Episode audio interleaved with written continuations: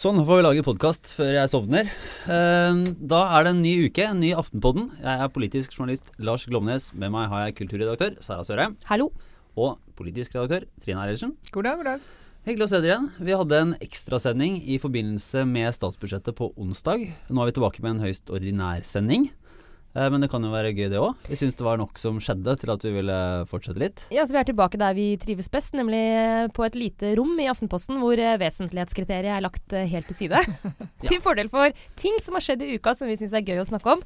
eh, med et lite unntak for statsbudsjettet. Det kan vel hende vi kommer innom det, men, eh, men det har jo skjedd noe annet denne uka også. Det er bare så eh, vidt, ja. Eh, Og grunnen til at jeg er litt eh, trøtt i dag, er at jeg sto opp eh, tidlig og var på jobb halv seks for å jobbe med Nobeltildelingen. Eh, så vi tenkte vi egentlig skulle starte litt med det, da, sånn at jeg ikke får snakke meg gjennom den opplevelsen.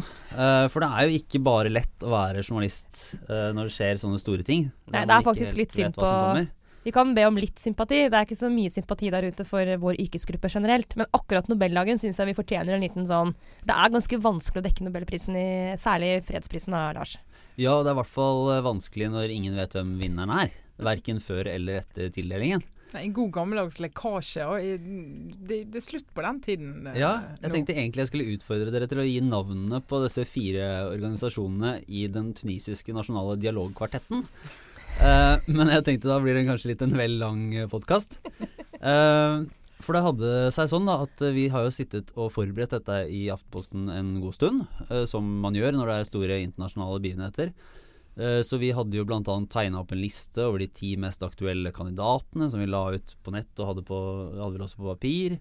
Eh, vi hadde satt og samla liksom, lenker til gamle saker og relevant informasjon, så vi skulle være raskt på ballen og, si fra når eh, Fortelle hvem det var som hadde vunnet, og hvordan, hvordan alt hang sammen. Det er jo dette som eh, på internspråket heter å bygge forventning. Det er vi opptatt av. Før noe skjer, skal vi gjøre folk, få folk inn i modus og interesse for at det skjer. Ja, og vise, Veldig at, viktig vise, jobb, vise at vi syns det er viktig, eh, Ja. sånn at eh, folk skal forstå at det er viktig. da.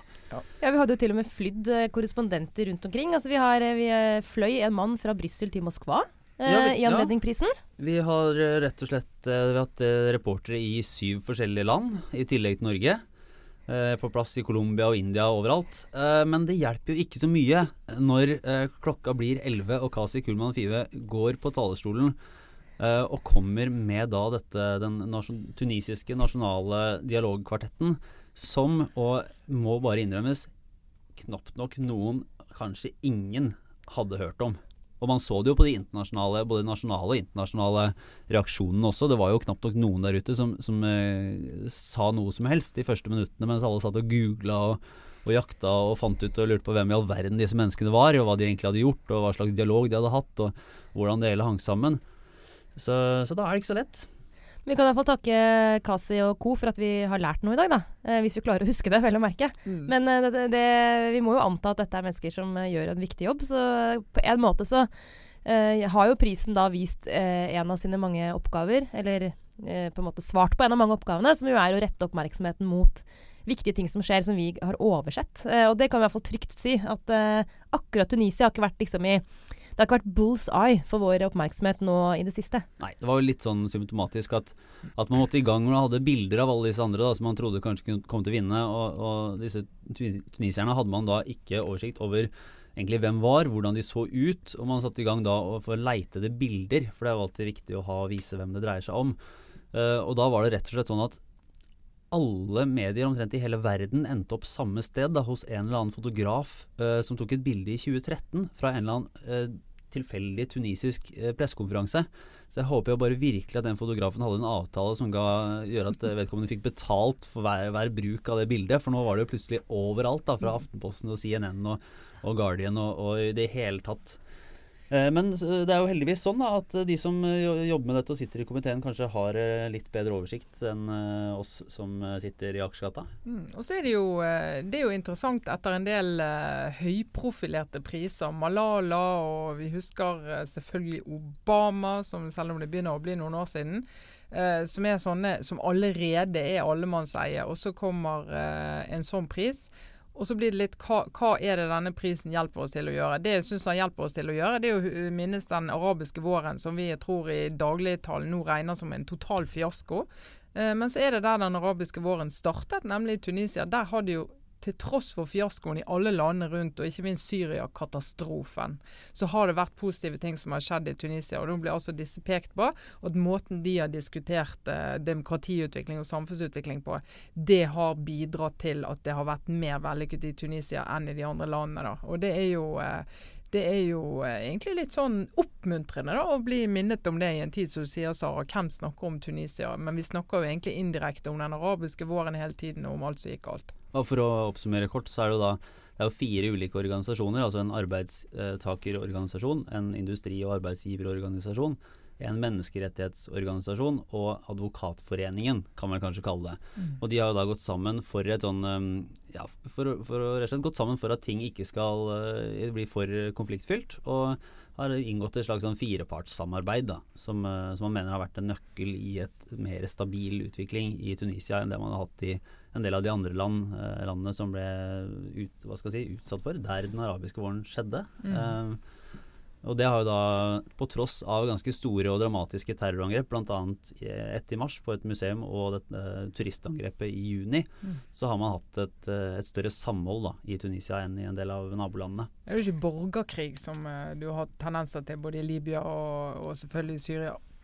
Det er jo også litt for tidlig å spekulere i det, men det, man lurer jo likevel på også om dette er liksom starten på en ny periode i Nobelkomiteen. da. post Jagland Eh, om de skal begynne å dele ut litt mer sånne eh, flinke og fornuftige priser, og slutte å gjøre de crazy utfallene, eller om det bare er en slags sånn oppvarming. Men eh, det er jo litt sånn konfliktfylt, jeg kjenner det, fordi på en måte så er det nesten sånn at man blir sånn skuffa når nobelprisen er liksom i gåsehudene kjedelig. Eh, men samtidig, når du snakker nå, Lars, så tenkte jeg for det første, du har jo lært noe i dag. Bra jobba. Dag, dag. Eh, og for det andre så tenkte jeg at ok, dette høres jo faktisk ut som noen som fortjener en pris, eh, og du slipper den pinlige følelsen som, eh, som særlig Obama, da. Jeg syns fortsatt det er så vondt å tenke på. Eh, da han liksom helt åpenbart motvillig måtte drasse seg hele veien hit for en helt meningsløs pris. Altså, alt det der der. Så hvis dette er tegn på at de går inn i en sånn streit eh, vei, mm. så er det kanskje, kanskje det er bra. I hvert fall for fredsprisens eh, renommé.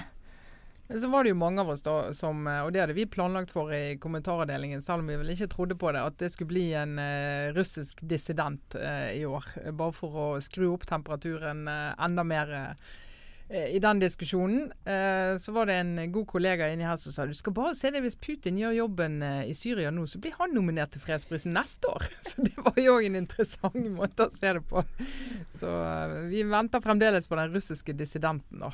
Plutselig. Men hvis det er én ting det ikke er noen snarlige utsikter til fred i, så er det den, en annen, betydelig mindre norsk debatt, men som likevel har vært fengende. Vi går tilbake til vår eller liksom, lille arnested eh, ved Kjetil Rollnes sin. Facebook-vegg og, og ut, uttalelser i offentligheten. For han har jo da gått, gått kraftig inn denne uka her, eller mulig det var på tampen av, av forrige, for uh, å forsvare Human Rights Service. Altså den uh, må vel kunne kalle den omstridt uh, organisasjonen frontet av Hege Storhaug og Rita Karlsen. Som, som, går mye på, på integrering og innvandring. Og, og Rollnes har jo da gått ut og forsvart dem, for han mener at de de, og spesielt Hege Storhaug, får veldig mye hets og, og blir ramma veldig hardt av, i debatten om dem. Da. Ja, 'Hatet mot Hege' heter, eh, heter kommentarene, som uh, ble publisert også i Dagbladet. Som fortsatt henger med, selv om det er Facebook-veggen til Kjetil Rollnes som først og fremst er interessant, så har han jo spalta si i, i Dagbladet. Og det han jo da slår fast, eller det han gjør, er at han sier at det er personen Hege Storhaug som er som en rød klut for veldig mange mennesker, både i kulturlivet og ikke minst på venstresida i politikken, og generelt toneangivende samfunnsdebattanter i Norge, de tåler ikke trynet på Hege Storhaug. Han gjør det veldig personlig, øh, og, og bruker, viser en rekke eksempler på hvordan hun blir utsatt for personhets. Uh, og, og, det er vel egentlig en slags forsvarstale. Han mener at hun har noen veldig gode argumenter og noen gode poenger i innvandringsdebatten, som da ingen er villig til å ta inn eller se, uh, fordi de er så rett og slett så uh, emosjonelt, egentlig, så rasende på hennes person. Det, det, er en interessant tekst. Eh, sannsynligvis har han nok ikke rett, men han har jo fått Eller dette er min personlige mening, eh, men han har jo fått eh, ekstremt mye oppmerksomhet.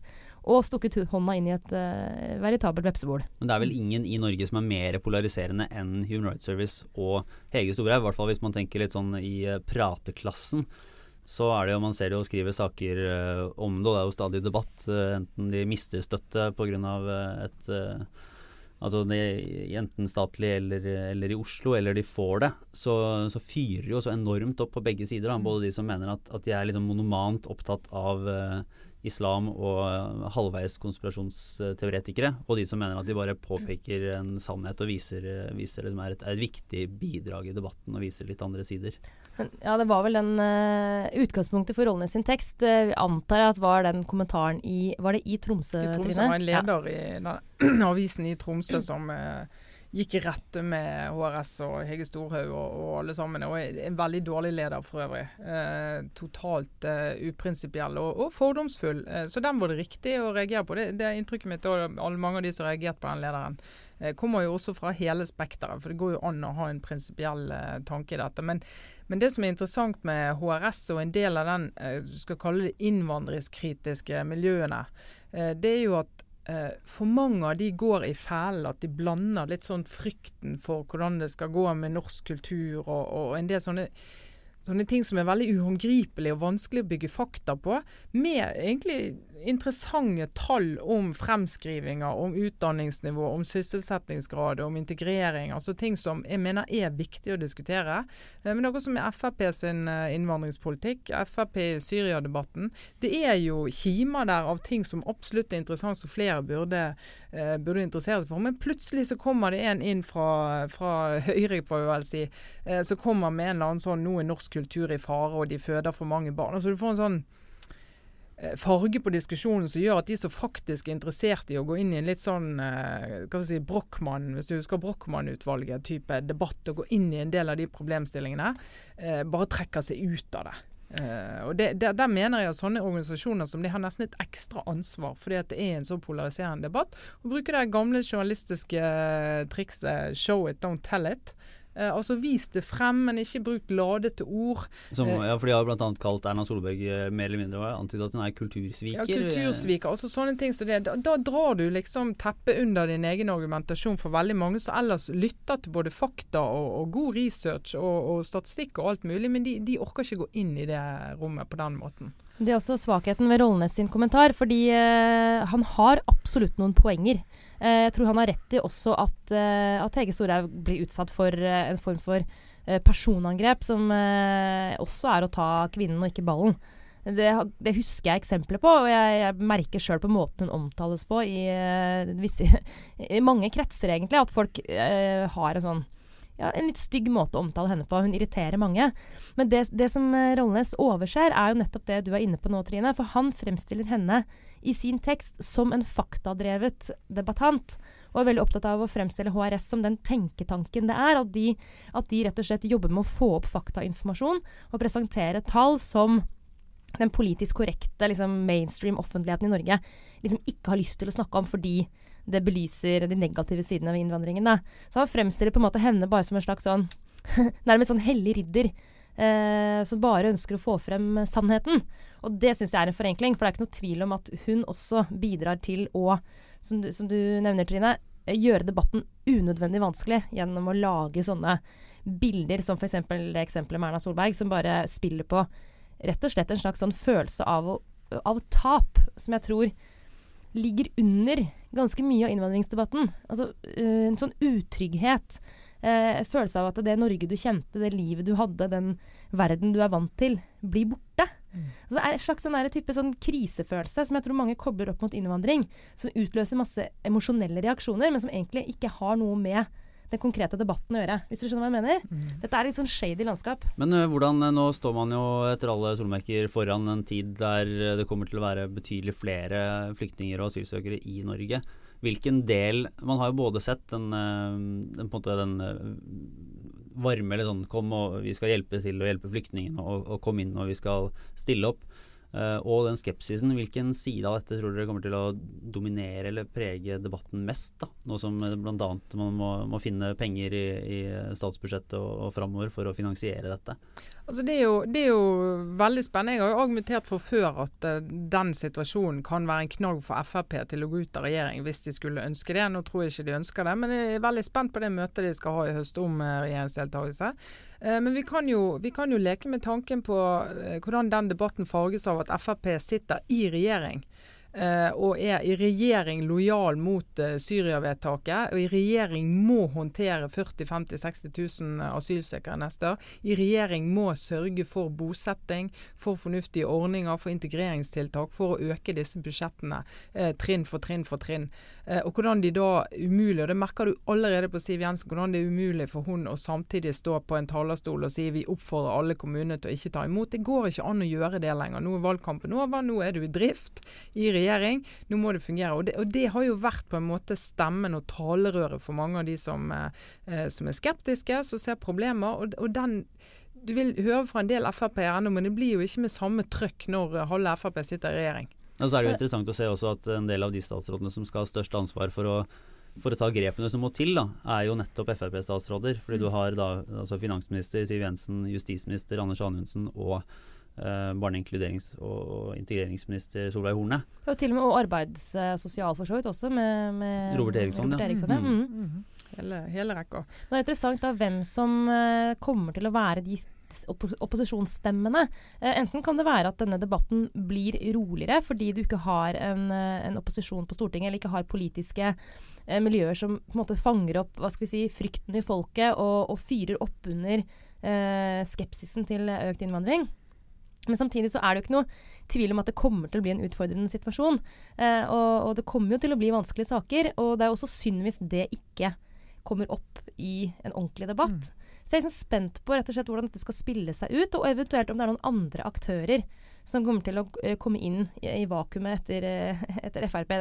Ja, bortsett fra at uh, Sandberg og andre sikkert kommer til å prøve å En viss, viss sjanse for at nestlederen vil, vil stille opp og stå på grasrota og, å si ifra innimellom. Men, men, sånn som HRS, da, som vi akkurat har snakket om, kan jo plutselig få en, eh, en posisjon der eh, som er tydeligere enn før, fordi de vil jo selvfølgelig representere deler av, av Frp som nå kanskje har fått en litt mer sånn eh, Som er nødt til å holde litt kjeft, da. Hvis vi, vi skulle En annen liten uh, hendelse er jo at Bård Vegar Solhjell, hvis vi går til den andre siden av, av spekteret, har sagt at han ikke vil, altså han vil rett og slett trekke seg som nestleder i SV.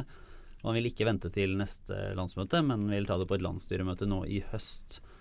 Uh, og det har jo fått Han har vel aldri fått så mye støtte Vålegar Solhjell som etter at han bestemte seg for å trekke seg som nestleder. Det har vært den ene lille hyllesten etter den andre i diverse medier. Ja, det er jo, det er jo fordelen med å slutte å gi seg uh, på Om ikke på topp, så i hvert fall i nærheten. Det er jo at jeg tror Minuttet etter du har gjort det, så angrer du, for da skjønner du at du var jo egentlig et geni. Et uoppdaget geni som alle nå oppdaget. Uh, nei da, men Bård Vegar Solhjell har fått mye og, og godt begrunnet skryt, syns jeg. Han er jo en av de Eh, altså En type politiker som i hvert fall jeg setter stor pris på. Eh, kontrasten til disse hva skal jeg kalle det, programgulpene. De som bare står og gulper partiprogrammer så det aldri kommer en selvstendig formulering eller tanke fra. De har vi en del av. Bård Vegar Solhjell er ikke en sånn. Han tenker eh, selvstendig, og han tenker originalt. Og jeg mener han er en av de, de viktigste stemmene i, i, SV. Han omtales vel som den beste lederen SV aldri fikk. Eh, og det er vel Når alle på utsiden eh, syns det, så er det vel kanskje en grunn til at han ikke, ikke ble leder i SV. Ja, Sånn sett er det jo litt, nesten litt komisk, eller kanskje tragikomisk, med, med Solhjell. Fordi alle som ikke er en del av SV, eh, er jo utrolig begeistret for han. Nest, altså, blant en del kommentatorer og andre politikere, og i hele tatt folk på venstresiden som ikke tilhører akkurat SV. Uh, I hvert fall folk i Arbeiderpartiet uh, er generelt veldig positive og, kan, og hoderystende til at SV klarte å velge Lysbakken isteden den gangen. Men det hører med til historien at uh, Solhjell hadde jo ikke støtte i partiet. Han var jo ikke i nærheten engang. Trine Eilertsen har fått seg ny telefon, kan vi fortelle? Eller ny TV. Den er så stor at du må bruke to hender for å løfte den av bordet. og nå ringte han. Ja. Men, det var et Frank Aarebrot-øyeblikk. det, er, er en fin telefon, da. Men uh, det var Bård Vegar som ringte. Neida. Men han burde i hvert fall uh, ha en fremtid, uh, håper jeg, i norsk politikk, selv om han ikke skal sitte i ledelsen av, av SV lenger.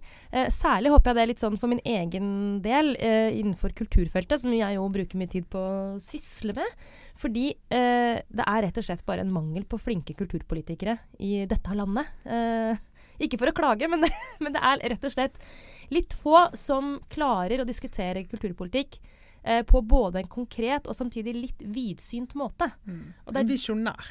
Rett og slett. Eh, Ja. Du så reaksjonene på, på Vidvei sitt budsjett nå eh, denne uken.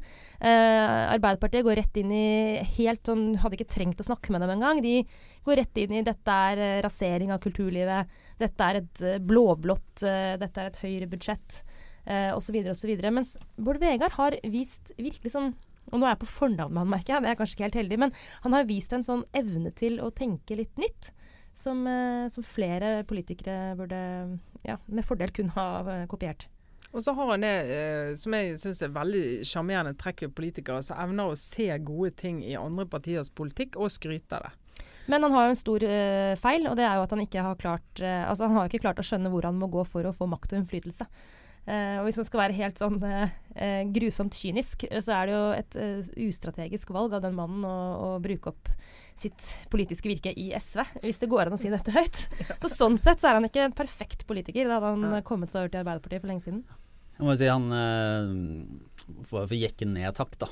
I den grad jeg kan gjøre det som, som skarve nyhetsreporter, så står han også bak et av de sånne varme minner fra landsmøtesesongen. Eh, der vi var, var på landsmøte i eh, SV i 2009. Der det var et, en, et nachspiel. Der det, liksom, det var flere rom i, det, i dette nachspiel-lokalet, og stua var stappfull. Og da Bård Vegar Solhjell så sitt snitt til å komme seg inn en slags eh, bakvei, og, så en, eh, og gikk da selvsikkert rett mot en dør som tilsynelatende ingen hadde oppdaget, for han smalt inn i et sånn digert speil som de hadde satt inn i den døråpningen. I et eh, svært lite Det var jo ikke elegant. Det var, eh, Det var en viktig nyanse, syns jeg, Lars, Ja. i denne hyllingen av en eh, men, men på, den- på den annen side så er han jo eh, Arsenal-fan, så han, har jo, han er jo klok, det skal jeg si. Oi, oi, oi. oi. Eh, da vil jeg skyte inn at eh, den største saken egentlig denne uken, statsbudsjett og det hele, er jo at Liverpool har fått seg en fantastisk ny fotballtrener. Men dette er feil podkast å snakke om dette Ja, så jeg bare, bare nevner det for våre lyttere som både er interessert i politikk og fotball. Med klopp til the cop, eh, så går jeg altså vinteren lyst i møte. Ja. Mm. Men eh, ja, det var bare egentlig så skal vi Det blir ikke så fryktelig lang sending i dag, men det var Det var litt Jo, var det du skulle snakke om? Nei, jeg har droppa det. Eh, til våre lyttere så prøvde Trine nå å hjelpe Lars til, til å minne, minne han på at vi også skulle snakke litt om Nobelprisen i litteratur. Ja, jeg tenkte jeg hadde gitt opp den jeg, i stad Ja. da vi hoppa forbi. Ja, altså Jeg setter pris på varmen og omtanken, men uh, for å være helt ærlig så har jeg allerede glemt etternavnet til uh, forfatteren som i går uh, dro av gårde med litteraturprisen. Um, Men det var en Svetlana. forhåndsfavoritt, da, i Du- motsetning til, til fredsprisen. det som var fantastisk i går, var jo at, som du sier Trine, at den største favoritten vant. Eh, det er et viktig forfatterskap. Eh, det er politisk. Det er en sakprosaforfatter. Hun skriver om Russland. eh, hun skriver om det moderne Russland. Og hun trekker paralleller historisk. Og mer sånn eh, selvsentrert eh, er dette også en forfatter som Aftenposten har skrevet mye om tidligere, og til og med intervjuet. Så i Så vi motsetning, hadde en i lett motsetning jobb i til meg, så kunne dere bare brette ut alt det gode stoffet dere hadde. Vi hadde anmeldelser, vi hadde intervjuer, vi hadde til og med en kronikk som hun selv har skrevet, som vi har publisert i Aftenposten tidligere. Så hvis dere lurer på noe om eh, Nobelprisen i litteratur, så kan jeg faktisk helt ærlig eh, anbefale Aftenposten. Vi har det du trenger. Mm. Eh, og så skal jeg prøve å, jeg skal prøve å lære meg litt mer om Tunisia også i løpet av dagen. Men eh, Nobelprisen i litteratur, den syns jeg vi landa bra. Jeg leste faktisk at uh, i England, der det er lov til å sette penger på nobelprisvinnerne, så er det mer penger satt Det spilles mer på nobelprisvinneren i litteratur enn fred. Så ja, kan det tolkes som et, um, en markedsmessig støtte da, til, eh, til kulturfeltet. Det trenger vi. Eh, nei, det var den andre tingen som egentlig bare var en liten, eh, en liten morsom sak som jeg ville anbefale alle å lese, var en, en, et, god lite, et godt lite stykke i Dagbladet fra i forrige uke om bilparken til MDG-toppene. Uh, for det viser seg det, det er sett opp et sånn klassisk liv og lære-problemstilling. Uh, der bl.a. kommer fram at, at Rasmus Hansson uh, kjører en SUV. Uh, fordi han bor så ulendt til, da. At han hadde ødelagt en elbil og en hybridbil. Uh, så da måtte han kjøpe seg en gammel SUV. Men kan jo lure litt på det økonomiet, på å det miljøregnskapet. Ja. Hvis du går gjennom tre biler for å bo eh, langt ute på skogen. Ja, vi får fortetning, vi får fortetning rundt T-banelinjene, og det er bare et godt eksempel på hvorfor vi får det. Og Den andre favoritten var egentlig en annen lokalpolitiker. Nå husker jeg ikke helt hvilken liten by han eh, var i, men han hadde kjøpt seg viste at han hadde tre Jaguarer. Eh, men han kunne berolige med at det var, eh, det var kun innkjøpt som en slags gimmick for å, for å vise hvor dårlig kollektivtilbudet var der. Dette er veldig gøy hvis, de, altså hvis politikere kan bare gjøre det motsatte i livet, som det de lærer, og, og kalle det for gimmicker. Eh, da hadde det, jo, det hadde vært en enkel løsning for mange. Men eh, for oss så er jo dette begynnelsen på eh, også det som vel vi må regne med at kommer nå, som er at en del MDG-representanter møter den brutale virkeligheten. Eh, ikke nå som et eh, bitte, bitte, bitte lite parti, men som politikere med reell makt og innflytelse, og da også eh, med en helt annen oppmerksomhet fra, fra oss, annet. Mm. Eh, det kan bli flere morsomme saker av det. Og sånt eh, blir det jo moro av. Eh, men jo, så var det akkurat helt på tampen. Vi får også anbefale alle å se i dag faktisk Gullrekka. Fordi Sindre Finnes, eh, Aftenpodden-vennen, Mm. eh, statsministerens ektemann, skal til Skavlan. Ja, dette, dette, det er all grunn til å benke seg. Ja. Men det, nå har jo han vist at det er jo kanskje mer på det spontane, litt uplanlagte, at han er på sitt beste. Så vi får se om han leverer i kveld. Vi er litt bekymra, for det har ikke kommet noen lekkasjer fra Skavlan-redaksjonen ennå. Det er mulig de det er venter ikke til kommet en sånn. Stein Erik Hagen ut av skapet som de hadde Som de hvis de lykkes med forrige uke å få greit ut før sending. Det er ikke kommet en sånn, altså. Altså, vi er litt bekymra for at det betyr at Finnes har blitt medietrent uh, før kveldens opptreden. Men vi lever i håpet om at det er umulig å medietrene Finnes, og at det kommer noe riktig gøy og helt uforutsigbart. I hvert fall så skal jeg for første gang på en liten stund benke meg, tror jeg. Uh, med håp i hjertet foran gullrekka i kveld. Det ser vi fram til. Eh, og så takker vi vel for oss. Nå ringer telefonen din igjen også, Trine. Ja, det er samme. Det, det er Den den. populære politiske redaktøren Trine Eilertsen, Sara Sørheim, kulturredaktør, og meg, Lars Glomnes. Takk for oss.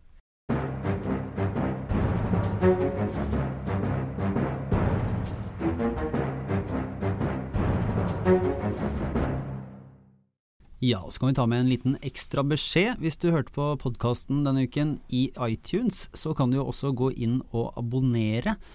Da får du den neste utgaven rett i telefonen din uten å måtte gjøre noe som helst. Eh, Det gjør du ved å søke på Aftenpodden i eh, iTunes-søkeren. Og så er det bare å trykke på abonner og vente på neste utgave. Gi oss også gjerne en stjernerating i iTunes hvis dette er noe du vil anbefale til andre.